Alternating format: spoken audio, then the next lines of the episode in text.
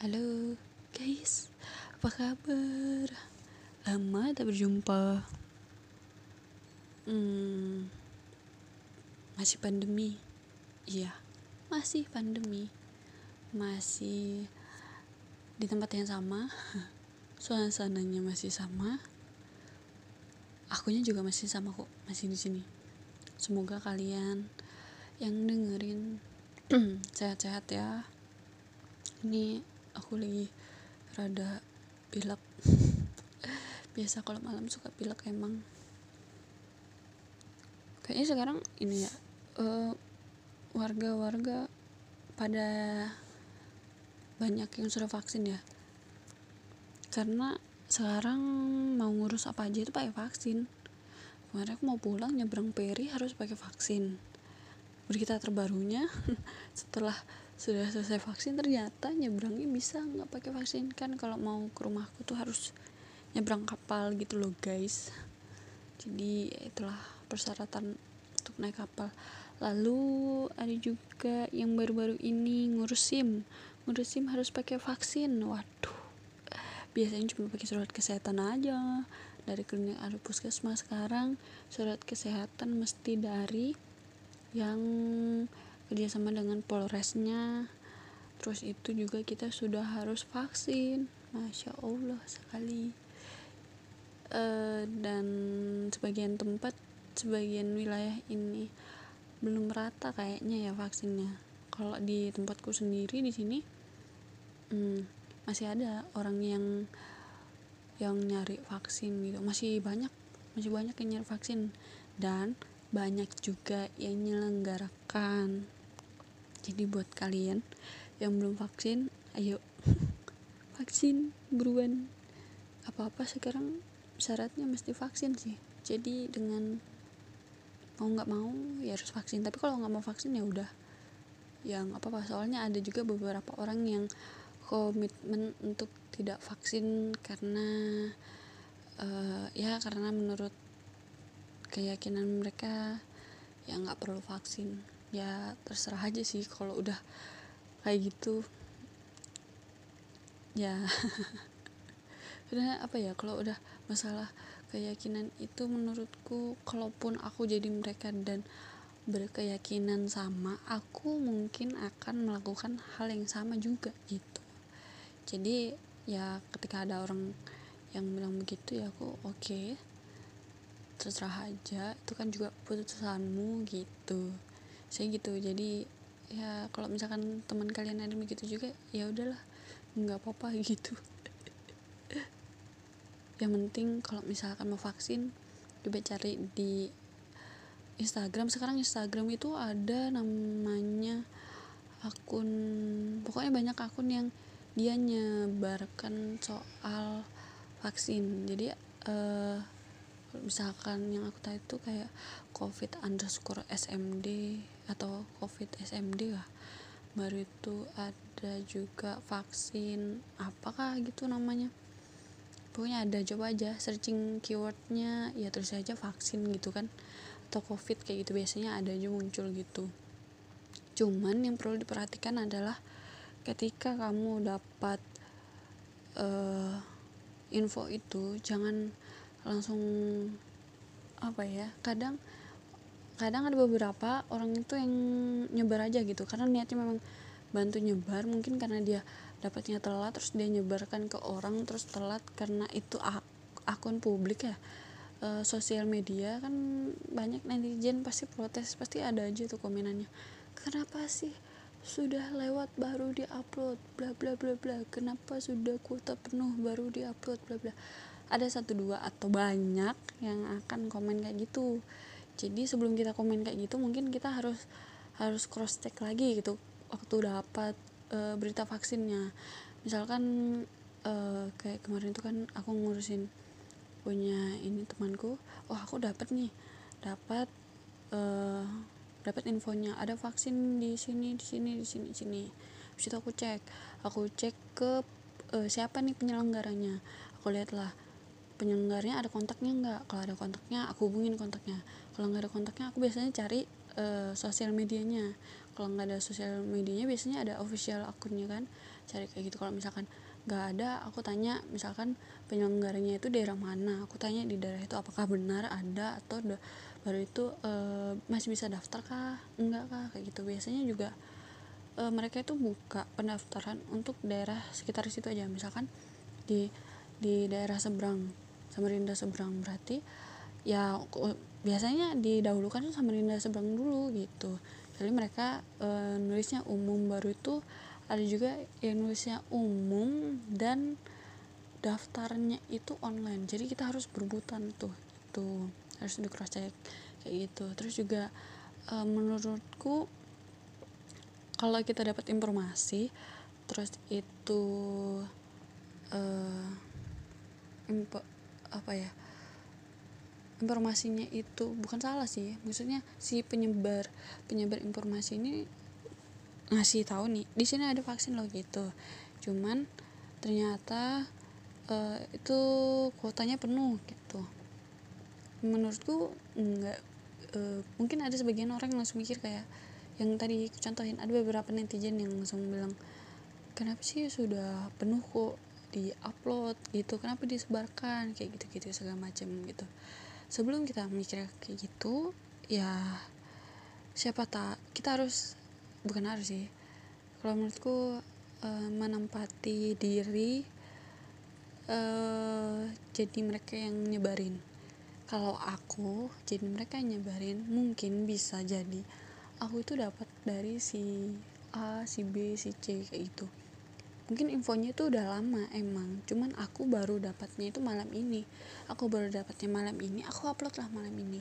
Ternyata diakses orang banyak orang banyak dan sekalinya uh, itu sudah penuh kuotanya kayak gitu. Ya sebenarnya bukan salah aku juga karena aku memang niatnya itu untuk nyebarin. Ini loh ada vaksin di sini cobain dah gitu. Jadi sebagai kita yang cari uh, vaksin mungkin kita bisa cross check gitu.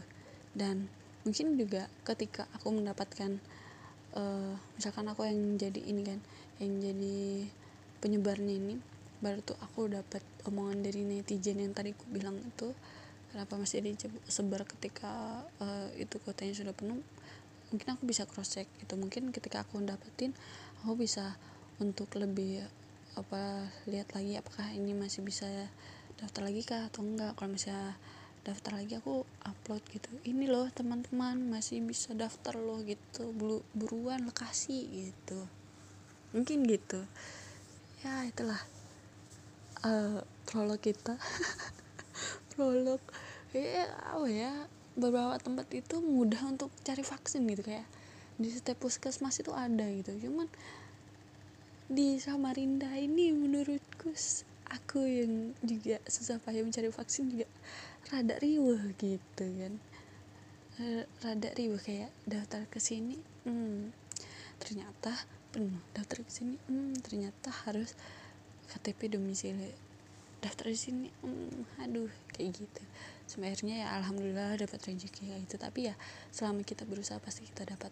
Ayo yang belum vaksin semangat. Oke. okay. cukup cerita vaksinnya.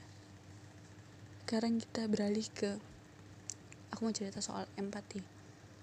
Hmm, aku sering ribut nih sama temanku gara-gara ngomongin empati. Bukan gara-gara ngomongin empati sih. Dia tuh sering protes ke aku. Kalau misalkan kita lagi makan lagi jalan lagi nongkrong kah apakah kayak gitu dia cerita apa aja dah cerita gitu terus aku ini ke apa ya ada yang ngechat aku misalnya ngechat soal kerjaan segala macam kayak gitu. Terus aku pegang HP aku pegang HP dan aku belajar chat itu segala macam dan temanku merasa aku aku nggak didengar nih gitu. Coba wi kamu dengerin aku jangan main HP gitu gitu segala macam kayak gitu. Aku juga sempet kayak ini loh aku belasin kerjaan loh kayak gitu. Bukan apa aku juga masih dengerin kamu loh walaupun aku megang HP kayak gitu. Jadi e, menurut temanku ya aku kurang kurang memahami dia gitu. Kurang mendengarkan dia. Dia merasa aku tidak mendengarkan dia. Kalau di aku aku merasa aku dengerin dia. Cuman uh, aku butuh 5 detik nih. 5 detik. Gue butuh satu menit nih menit untuk balesin kerjaanku. Karena ya chat ini juga ada hal yang penting kan gitu. Aku takutnya kalau misalkan aku lambat balas chat ada umpul kerjaan ya biasanya chatan chat itu hal-hal yang penting lah. Ada hal-hal penting yang aku lewatkan gitu. Cuman ya aku pikir mungkin mm, nggak mm, tepat aja gitu. Jadi ya temanku merasa tidak didengarkan. Gitu nah ya itulah keributan aku dengan temanku yang sering terjadi karena merasa karena merasa uh, tidak berempati. Kadang aku juga merasa dia begitu juga. Jadi kalau aku cerita nah nah nah nah nah nah nah nah, nah gitu. Dengan hebohnya terus dia cuman hmm ya sambil ngapain gitu kan. Sambil ya menurutku jawabannya gak enak gitu kan. Jadi aku langsung cet aku berhenti. Atau bisa juga dia merespon hmm, aku kan pengen cerita nih pengen cerita ini, ini, ini segala macam. Eh dia banding cerita sama aku padahal aku pengen cerita gitu. Maksudnya pengen cerita dia dengerin gitu. Dengerin dong gitu. Tapi dia malah balas ya kamu mending kayak gitu aku gini gini segala macam. Hmm. Langsung diem merasa ya itulah jadi kadang aku sama dia jadi aku sama temanku ini merasa kadang aku yang tidak berempati eh dia merasa aku tidak berempati dia juga merasa aku tidak berempati gitu. Nah apa sih empati itu? Yang aku tahu tuh hmm, empati itu apa ya? Kemampuan kita gitu kemampuan kita untuk kita bisa merasakan terus memahami nih perasaan orang lain. Kayak yang tadi aku bilang di awalnya gimana kalau misalkan kita ini jadi dia kayak gitu. Apakah kita akan melakukan melakukan hal yang sama? Apakah kita akan merasakan hal yang sama? Ya gitu. Apakah kita akan uh, melakukan sesuatu yang seperti yang dia lakukan kayak gitu. Jadi memposisikan kita itu ada di orang lain gitu. Kenapa begitu? Uh, karena ya supaya kita itu bisa paham nih orang maksudnya apa sih? Kayak gitu. Ini maunya apa sih? Kayak gitu. Uh, sebenarnya dia mau didengerin kah? Mau di mengertinya itu mau dimengerti seperti apa kayak gitu. Jadi kita itu jadi paham gitu kalau kita punya perasaan itu. Sebenarnya uh, dari dulu juga ya punya perasaan kayak gitu tuh punya. Cuman kadang tingkatan empati orang itu beda-beda kayak gitu. Ada orang yang mudah banget berempati. Jadi dia tuh mudah banget merasakan oh si ini lagi sedih kayak gitu. Dengan dengan apa cuman gara-gara gestur aja kayak gitu. Atau dengan dengan cerita oh si ini bahagia banget nih dapat givetan baru. Jelah oh ini sedih banget nih duitnya hilang. Iyalah duit hilang sedih gitu kan. Jadi uh, lebih bisa rasakan kayak gitu. Ada juga orang yang hmm, dia kurang berempati. Menurutku dia bukannya nggak berempati dia cuman uh, masih sulit untuk merasakan perasaan orang lain sulit untuk memahami perasaan orang lain. Bukan tapi bukan berarti dia ini nggak bisa nggak bisa untuk ngerti nggak bisa untuk memahami. Enggak karena uh, empati ini perasa eh emosi empati ini itu bisa kita apa ya kita pelajarin gitu kayak misalkan mungkin kemarin aku kurang dengerin temanku cerita gini kan. Terus dia ngomong lah kamu nih uh, begini begitu begini begitu kayak gitu. Mungkin pada saat itu aku mungkin responnya kayak kesel gitu. Kenapa sih suka-suka aku lah orang aku yang begitu mungkin aku bisa aja begitu gitu. dan setelah uh, dari waktu ke waktu terus ada uh, hal hal kayak gitu lagi atau aku digitukan orang lain aku baru belajar nih. Atau aku baru belajar aku baru belajar oh kayak gini ya rasanya. Oh kemarin temanku kayak gini ya makanya dia ngomong-ngomel ya kayak gitu. Uh, bisa juga kita uh, pelajari maksudnya sebelum dapat sebelum dapat hal yang serupa yang dilakukan orang lain yang dilakukan orang lain kayak gitu kita bisa pelajarin. Hmm, mungkin bisa mikir kayak kenapa ya temanku kemarin itu marah-marah? Gitu. Bisa juga gitu. Tapi ya namanya namanya belajar nggak bisa instan. Jadi memang perlu perlu apa ya bahasanya itu biasa orang bilang itu dilatih terus gitu. Jadi ya rasa empati ini uh, dari waktu ke waktu itu bisa bertumbuh gitu. Sama kayak kita nyiram tanaman. Jadi kalau kita siram kita siram dengan nanti dari hari ke waktu dari hari ke hari dia bisa tumbuh bisa tambah tinggi habis itu berbunga habis itu berbuah kayak gitu. Atau dia bisa tambah banyak kayak gitu. Terus jadi cantik gitu bisa gitu. Dan uh, kalau kita mudah berempati itu kita bisa membangun relasi yang positif. Jadi kita bisa dianggap bukan dianggap sih orang itu merasa kalau deket sama kita itu mereka akan merasa kalau misalnya mereka cerita terus mereka bisa didengerin kayak gitu. Jadi mereka nggak kapok mau cerita sama kita kayak gitu. Karena kita ngerti harus ngeposisikan ngeposisikan diri kita itu kayak apa waktu mereka cerita. Gitu kenapa bisa begitu? Kenapa orang bisa uh, merasa merasa kalau kita ber uh, merasa kalau kita berempati itu mereka jadi nyaman gitu kan? Ya karena ya karena apa ya? Kalau kita berempati itu kita lebih mudah memposisikan diri kita ke orang lain jadi kita itu bisa lebih mudah ngerti perasaan mereka gitu. Jadi mereka juga jadi merasa didengarkan gitu kan. Baik melalui kata-kata atau bahasa tubuh kita kayak gitu.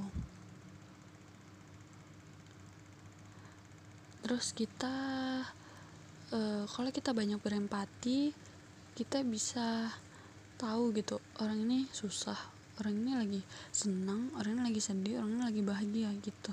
Tapi juga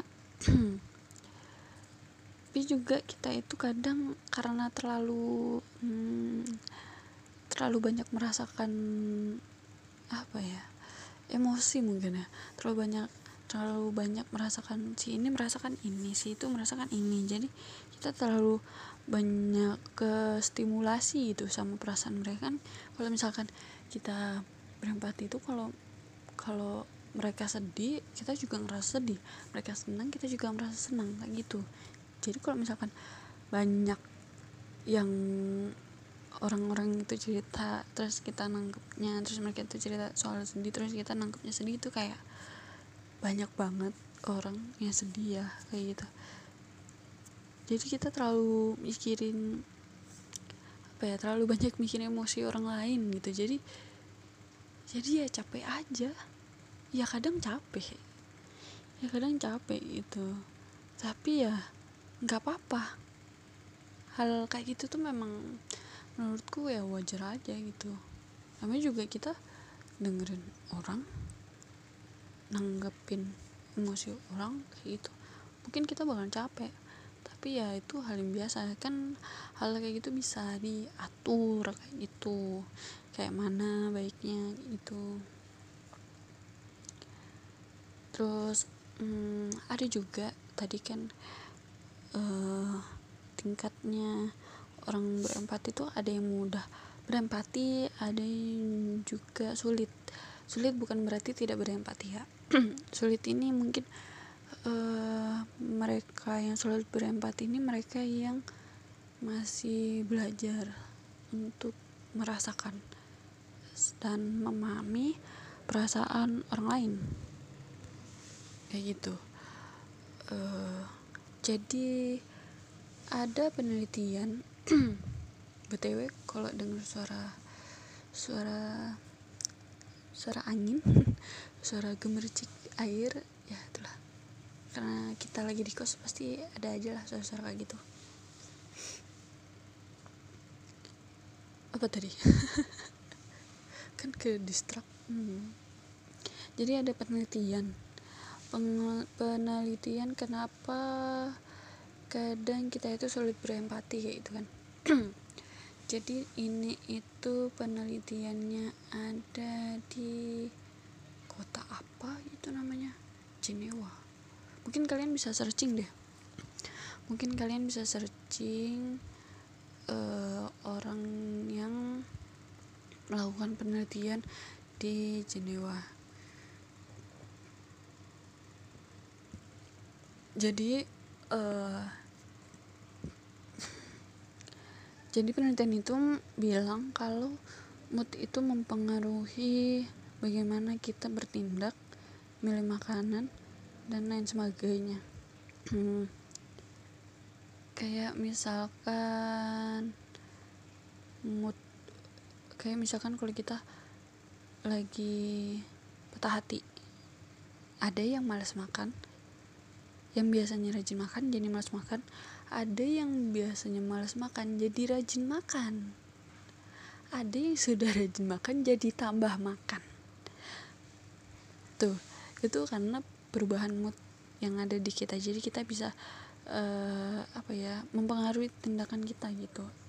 Ada yang biasanya tidur cepat jadi tidur lambat ada yang biasanya tidur lambat jadi tidur cepat ada yang durasi tidurnya cuma sejam dua jam jadi 12 jam.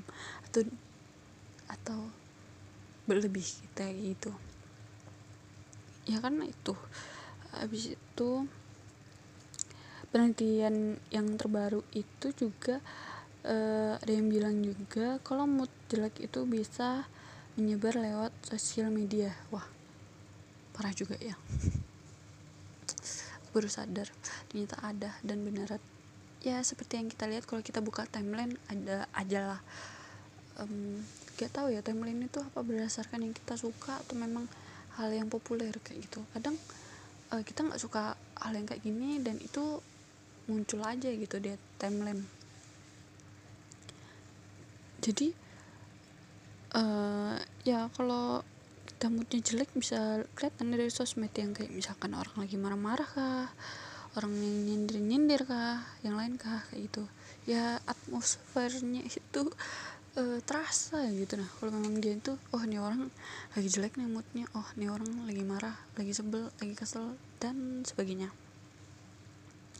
Terus juga ada yang bilang kalau kita lagi seneng kita itu nggak akan kesakitan kalau lagi terluka kalau kita lagi seneng.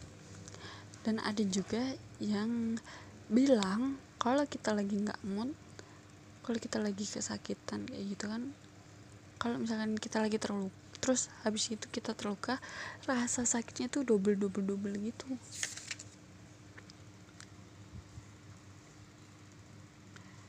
Ya kenapa bisa begitu? Karena memang uh, apa ya mood kita itu bisa bisa mempengaruhi kemampuan kita untuk merasakan kayak gitu. Terus juga uh, yang paling ada studi lagi itu mungkin tahun 2017 ya, di dalam situ dijelaskan dijelaskan. Dijelaskan. Dijelaskan aduh kebiasaan nih ngomongnya suka tipu nulis saya suka tipu. Dijelaskan kalau kita uh, lagi tidak enak hati lagi sedih kayak gitu. Jadi kita uh, kemampuan kita untuk merasakan derita orang lain juga berkurang dan itu yang menjadikan kita itu kurang empati gitu. kita kurang merasa kurang berempati kayak gitu. Jadi uh, upaya untuk kita itu bisa memahami kondisi orang lain ya mempengaruhi gitu. Eh, dipengaruhi oleh emosi kita sendiri kayak gitu. Tapi eh, apa ya kalau kita lagi nggak enak hati apa segala macam sebenarnya masih bisa dikontrol sih. Masih bisa dikontrol itu kayak mungkin kita bisa nahannya atau kalau aku biasanya kayak aku melindungi diriku sendiri gitu. Kalau misalkan aku lagi lagi tidak enak hati terus ada yang minta didengerin mungkin kayak e, tunggu sebentar ya aku lagi gak enak hati aku nggak mau ketika kamu cerita aku tidak memberikan reaksi terbaik maksudnya tidak uh, aku nggak mau kamu merasa kalau aku nggak dengerin kayak gitu. Jadi aku mau mau untuk uh, aku mengenakan diriku dulu kayak gitu. Memahami perasaanku dulu itu baru nanti aku akan dengan kamu lagi supaya ketika aku nanti bereaksi ketika mendengarkan kamu reaksiku itu tidak membuat kamu kecewa kayak gitu. Jadi ya memang dari penelitian uh, penelitian uh, penelitian itu emosi negatif kita itu bisa membuat otak kita itu nggak sensitif dengan uh, perasaan orang lain kayak gitu. Makanya itu kenapa kenapa ada orang yang sulit berempati. Mungkin salah satu alasannya adalah dia nggak mood aja gitu. Iya bisa juga kayak gitu. Kenapa? Terus kenapa biasanya uh, emosi negatif uh, kita ketika merasa kita itu memiliki emosi negatif itu kita itu kurang berempati gitu. Jadi ada ceritanya nih hmm, misalkan ceritanya soal misalnya nih aku punya ketua geng. Ketua gengku ini lagi nggak mood gara-gara dia itu habis nonton film yang sedih-sedih gitu. Jadi uh, ketua gengku tuh jadi kurang sensitif gitu sama bawahannya. Nah karena dia kurang sensitif jadi dia mempunyai potensi untuk bertindak negatif sama bawahannya gitu. Jadi kalau kita kurang empati tuh ada juga dampak lainnya itu misalkan orang yang biasanya dermawan jadi kurang ber, kurang dermawan. Itu. Terus itu dan juga ini mungkin bisa apa ya ada orang itu nyebutinnya itu empati tertekan. Jadi kenapa? Emosi negatif bikin kita kurang empati itu karena mungkin kita itu punya yang namanya empati tertekan. Jadi empati tertekan ini kondi itu tuh maksudnya kondisi kondisi kalau kita lagi shock terus apa ya kalau kita lagi shock melihat hal yang buruk pada orang lain tapi diri sendiri itu usaha untuk melindungi diri sendiri gitu daripada orang yang kesakitan. Jadi maksudnya itu uh, misalkan uh, orang itu lagi keadaan tidak senang berduka tidak mood jadi otak ini mendorongnya untuk lebih fokus pada dirinya jadi pada diri kita gitu kan sama masalah kita sendiri kayak gitu.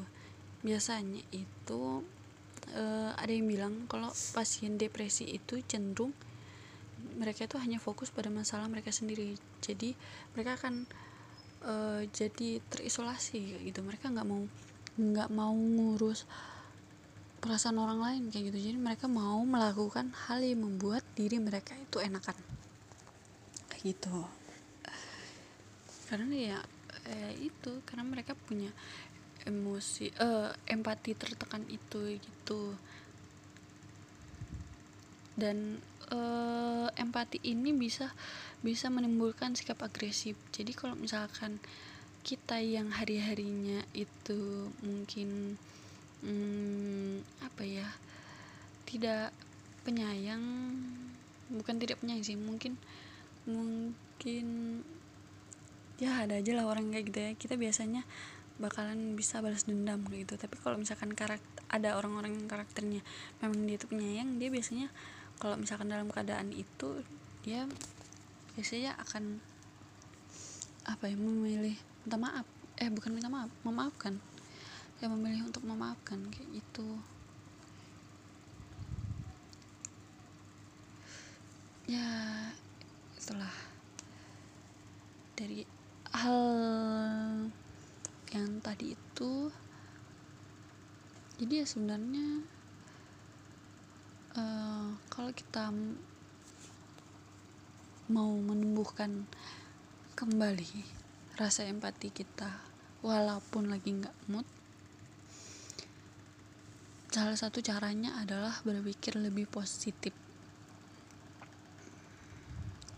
Jadi hmm, apa ya kadang kita itu kalau sudah lagi lagi sedih lagi nggak mood kita tuh nggak bisa kayak nggak bisa mikirin yang lain gitu.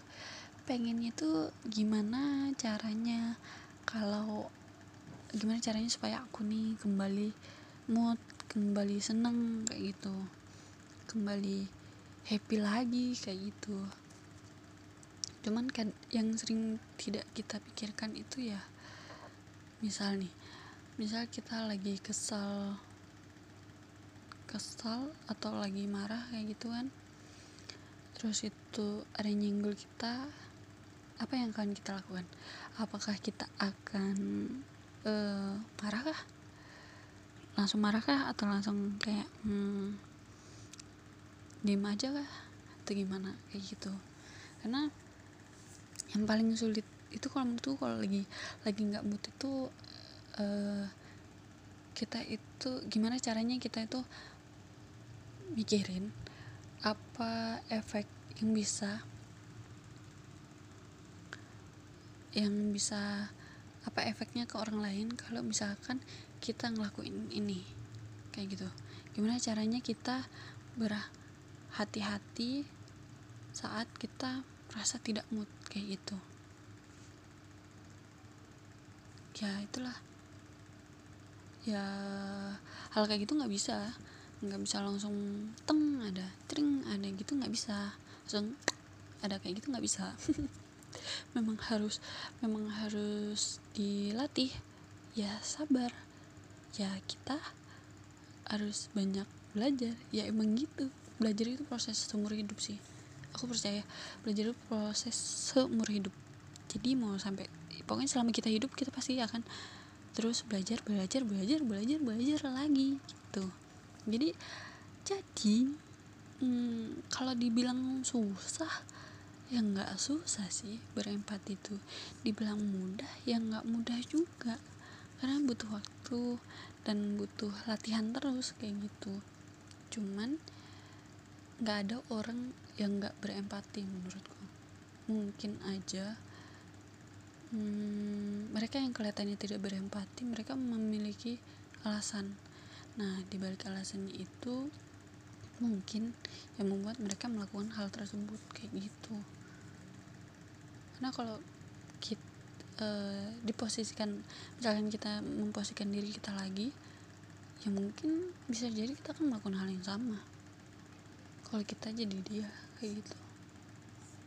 Dan kalau dia jadi kita mungkin dia akan melakukan hal yang sama kayak kita. Kayak gitu. Gitulah ceritanya soal malam ini.